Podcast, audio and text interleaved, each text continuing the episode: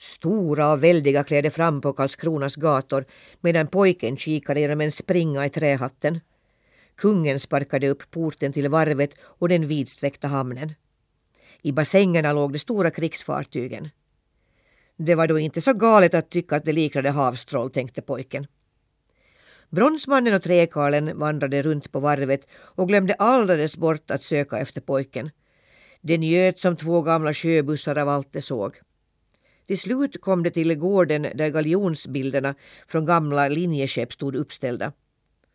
En märkvärdigare syn hade pojken aldrig sett. Det var mäktiga, skräckinjagande ansikten fyllda av stolt dristighet. Då sa bronsmannen Ta av sig hatten, Rosenbom. Alla dessa har varit i strid för fäderneslandet. Utan att besinna sig lyfte Rosenbom trähatten från huvudet och ropade Jag lyfter hatten för den kung som utvalde hamnen och nyskapade flottan. Tack Rosenbom, han är en präktig karl. Men vad är nu detta? För där stod Nils Holgersson mitt uppe på Rosenboms nakna gässa, lyfte sin luva och ropade i sin tur Hurra för dig, långläpp! Bronsmannen stötte käppen i marken men pojken fick aldrig veta vad han ämnade ta sig till för i detsamma rann solen upp och både bronskung och träkarl försvann som om det var ett dimrök. Medan han ännu stirrade efter dem flög vildgässen upp från kyrktornet och svävade ut över staden. Plötsligt fick den vita gåskarlen syn på Nils Holgersson och sköt ner ur skyn och hämtade upp honom. Vildgässen for ut till en holme för att beta. Där råkade det några grågäss som blev mycket förvånade över att se sina fränder så här långt ut i havsbandet. Vildgässen brukade ju fara genom det inre av landet.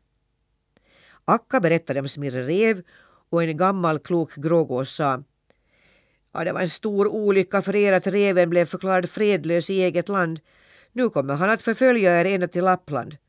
Ta yttre vägen till Öland och stanna där några dagar så att Smirre tappar spåret. Det tyckte Akka var ett gott råd. Ingen av dem hade varit på Öland förr men grågåsen sa att det bara var att flyga rätt åt söder tills det råkade det stora fågelsträcket. Alla fåglar som nu ämnade sig till Finland och Ryssland rastade på Öland så det fanns gott om vägvisare. Det var stilla och varmt som en sommardag. Fint väder för en sjöresa. Utanför skären bredde havet ut sig så spegelblankt att pojken tyckte vattnet hade försvunnit. Han hade himmel och moln både över sig och under sig och blev alldeles huvudyr. Han klämde sig fast vid gåskarlen ängsligare än när han satt där första gången. Det kändes som om han skulle falla åt endera hållet. Och det blev än värre när det nådde det stora fågelsträcket. Tusentals fåglar flög som efter en utstakad väg. Ändar, svärtor, grisslor, alfåglar, skrakar, doppingar, strandskator och många andra. Pojken såg hela fågeltåget speglas i vattnet men han var så yr att han trodde att fågelskaran flög med buken uppåt. Fåglarna var förresten så trötta att de höll sig alldeles tysta och det gjorde allting så overkligt. Kanske reser vi ända upp till himlen, tänkte han och undrade vad han skulle få se där uppe. Då hördes ett par knallande skott. Små vita rökpelare steg upp och han hörde de oroliga fåglarna skrika Skyttar! Skyttar i båtarna! Flyg högt! Åh nej, det var inte alls i himlen. I en lång rad låg småbåtar fyllda av skyttar. Skott på skott ekade och små mörka kroppar sjönk ner mot havet. Jämmerskrin höjdes bland de levande och de styrde uppåt så raskt de kunde. Vildgässen klarade sig men pojken var bestört. Tänk om någon skulle skjuta på sådana som Akka och Yksi och Kaksi. Människorna visste inte vad de gjorde. Snart kom en svag vind med väldiga massor av vit rök mot dem. Det bolmade allt tätare och fåglarna blev ängsliga. Men det var fuktig dimma som omvärvde dem.